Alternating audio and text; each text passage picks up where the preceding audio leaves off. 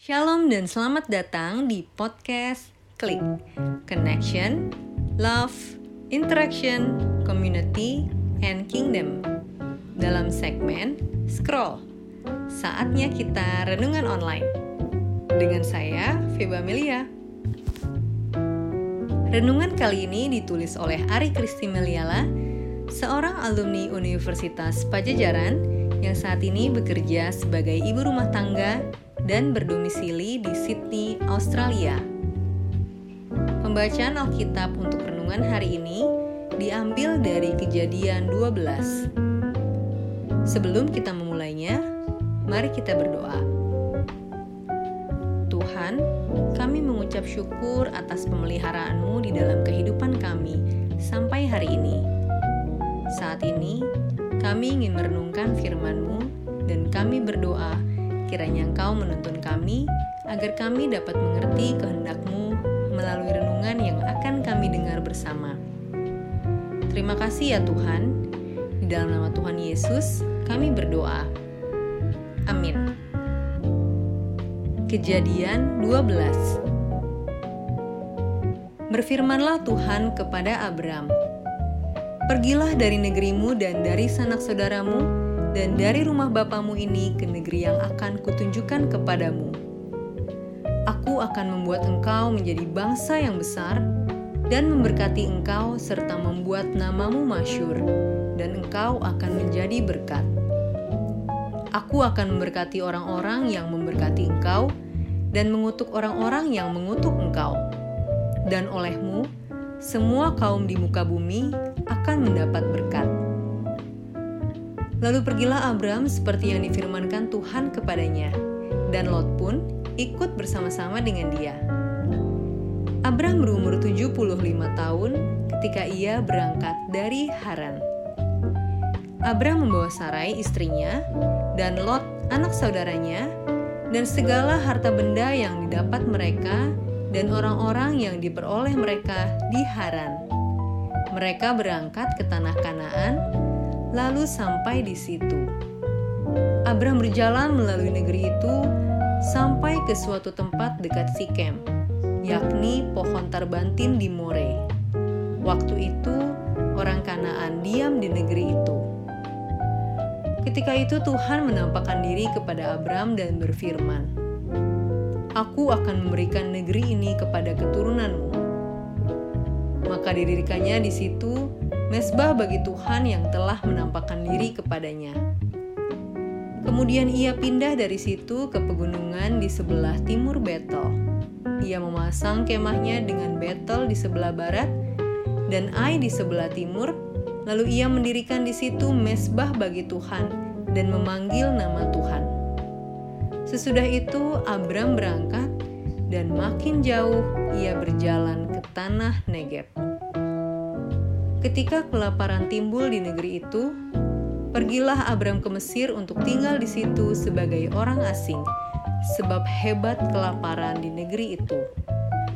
Pada waktu ia akan masuk ke Mesir, berkatalah ia kepada Sarai istrinya, Memang aku tahu bahwa engkau adalah seorang perempuan yang cantik parasnya. Apabila orang Mesir melihat engkau, mereka akan berkata, "Itu istrinya." Jadi mereka akan membunuh aku dan membiarkan engkau hidup. Katakanlah bahwa engkau adikku, supaya aku diperlakukan mereka dengan baik karena engkau, dan aku dibiarkan hidup oleh sebab engkau. Sesudah Abraham masuk ke Mesir, orang Mesir itu melihat bahwa perempuan itu sangat cantik. Dan ketika punggawa-punggawa Firaun melihat Sarai, mereka memuji-mujinya di hadapan Firaun, sehingga perempuan itu dibawa ke istananya. Firaun menyambut Abraham dengan baik-baik karena ia mengingini perempuan itu. Dan Abraham mendapat kambing domba, lembu sapi, keledai jantan, budak laki-laki dan perempuan, keledai betina, dan unta. Tetapi Tuhan menimpakan tulah yang hebat kepada Firaun Demikian juga kepada seisi istananya karena Sarai, istri Abram itu. Lalu Firaun memanggil Abram serta berkata, apakah yang kau perbuat ini terhadap aku? Mengapa tidak kau beritahukan bahwa ia istrimu? Mengapa engkau katakan dia adikku, sehingga aku mengambilnya menjadi istriku? Sekarang, inilah istrimu, ambillah dan pergilah. Lalu Firaun memerintahkan beberapa orang untuk mengantarkan Abram pergi bersama-sama dengan istrinya dan segala kepunyaannya. Judul renungan hari ini adalah Mengingat siapa Allah dalam transisi kehidupan yang tidak mudah. Saat hidup terasa baik-baik saja, kita cenderung untuk mempertahankan keadaan itu dan menolak hadirnya perubahan sekecil apa pun. Perubahan bisa jadi hanya bikin kita repot saja. Ah, sudahlah, sekarang sudah nyaman kok. Ngapain harus pusing-pusing berpindah tempat tinggal? Aduh, untuk apa sih sekolah lagi? Toh sudah punya pekerjaan bagus dan penghasilan yang cukup kan? Ada yang pernah dengar atau punya pikiran begitu? Aku pernah setelah menghadapi transisi kehidupan dari single lalu menikah, ternyata banyak perubahan lain yang menyertainya. Hamil, punya anak, meninggalkan pekerjaan sebagai jurnalis, lalu pindah ke negara orang lain karena suamiku mau kuliah lagi. Transisi demi transisi kehidupan kami lalui. Sangat tidak mudah. Butuh waktu sekitar dua tahun bagiku sampai akhirnya bersepakat dengan suami untuk meninggalkan Indonesia sementara dan belajar di Australia. Dengan rasa gundah bercampur antusias, aku, suami, dan anak kami yang saat itu masih 8 bulan terbang ke Australia. Transisi bisa jadi terasa sulit, mudah, kecil atau besar, terencana, tidak terencana, negatif, atau positif. Bisa jadi terasa cepat atau bisa juga terasa lamban. Dalam konteks transisi yang aku alami, rasanya cukup lamban. Banyak air mata, banyak melakukan kesalahan, ada perasaan tertekan, juga merasa gagal. Namun, proses transisi itu juga menjadi proses belajar. Aku belajar mengenal diri sendiri belajar mengenal pasangan, dan belajar mengenal Allah lebih baik lagi. Butuh waktu sekitar satu setengah tahun bagiku sejak pertama kali tiba di Australia untuk bisa melalui masa transisi ini. Sekarang aku sudah sangat betah dan bisa menerima tempat aku berada saat ini sebagai rumah sementara. Saat sekarang aku sudah merasa sangat nyaman, akan tiba pula saat untuk meninggalkan tempat ini dan kembali ke Indonesia. Akhir tahun 2021, jika Tuhan berkehendak, studi kami di sini akan selesai dan kami harus pulang dan melayani di Indonesia. Akan ada perubahan lagi, akan ada masa transisi lagi. Sungguh, ini tidak mudah sama sekali Ngomong-ngomong, bagaimana dengan kamu? Coba ingat-ingat perubahan apa yang sudah pernah kamu alami, sedang kamu alami, atau mungkin akan kamu alami. Perubahan-perubahan ini bisa jadi berkaitan dengan perubahan hubungan dengan orang-orang dekat, bisa jadi bentuknya kehilangan atau kehadiran seseorang dalam kehidupan kamu. Bisa pula perubahan peran atau pekerjaan, perubahan cara pandang, perubahan kemampuan atau kesehatan, perubahan tempat tinggal, perubahan kebiasaan atau budaya, dan masih banyak lagi. Semuanya butuh masa transisi.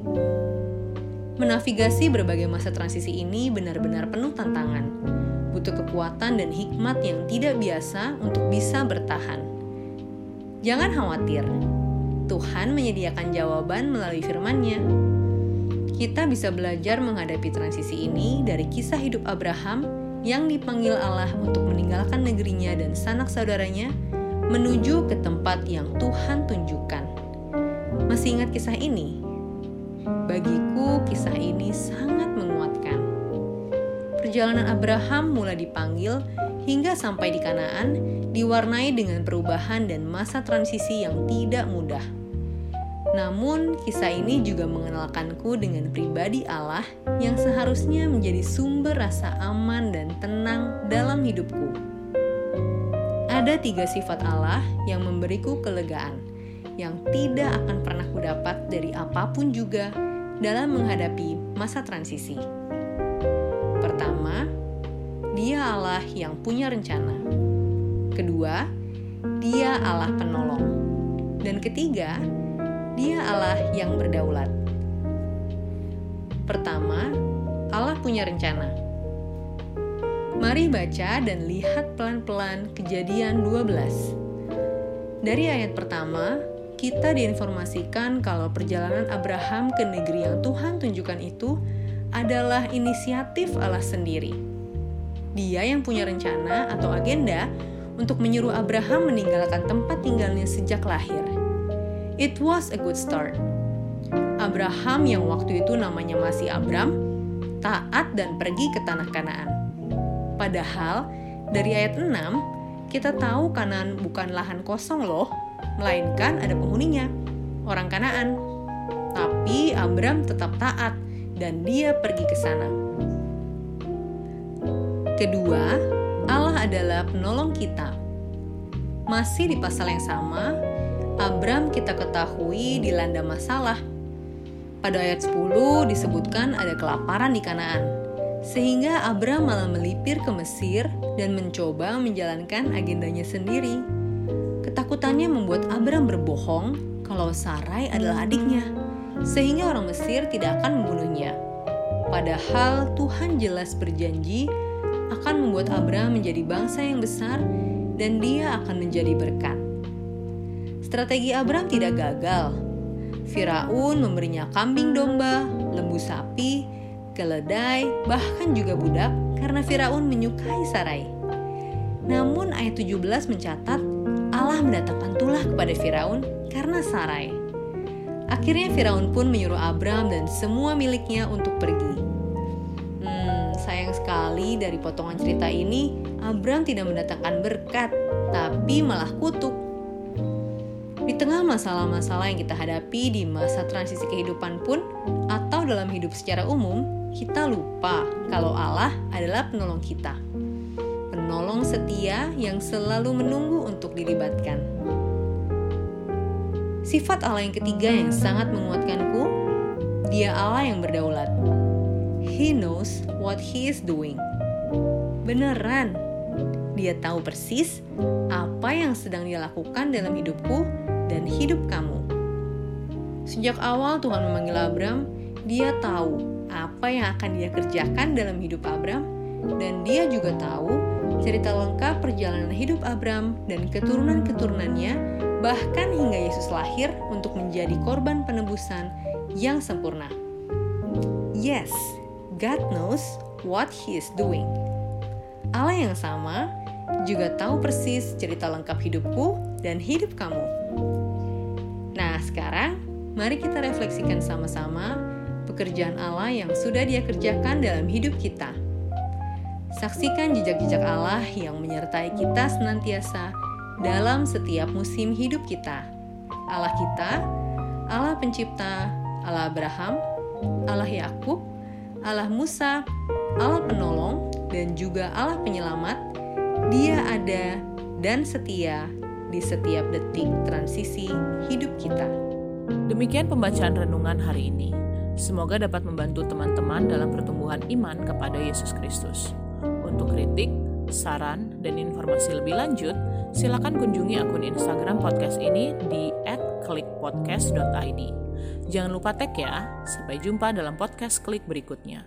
Tuhan Yesus memberkati.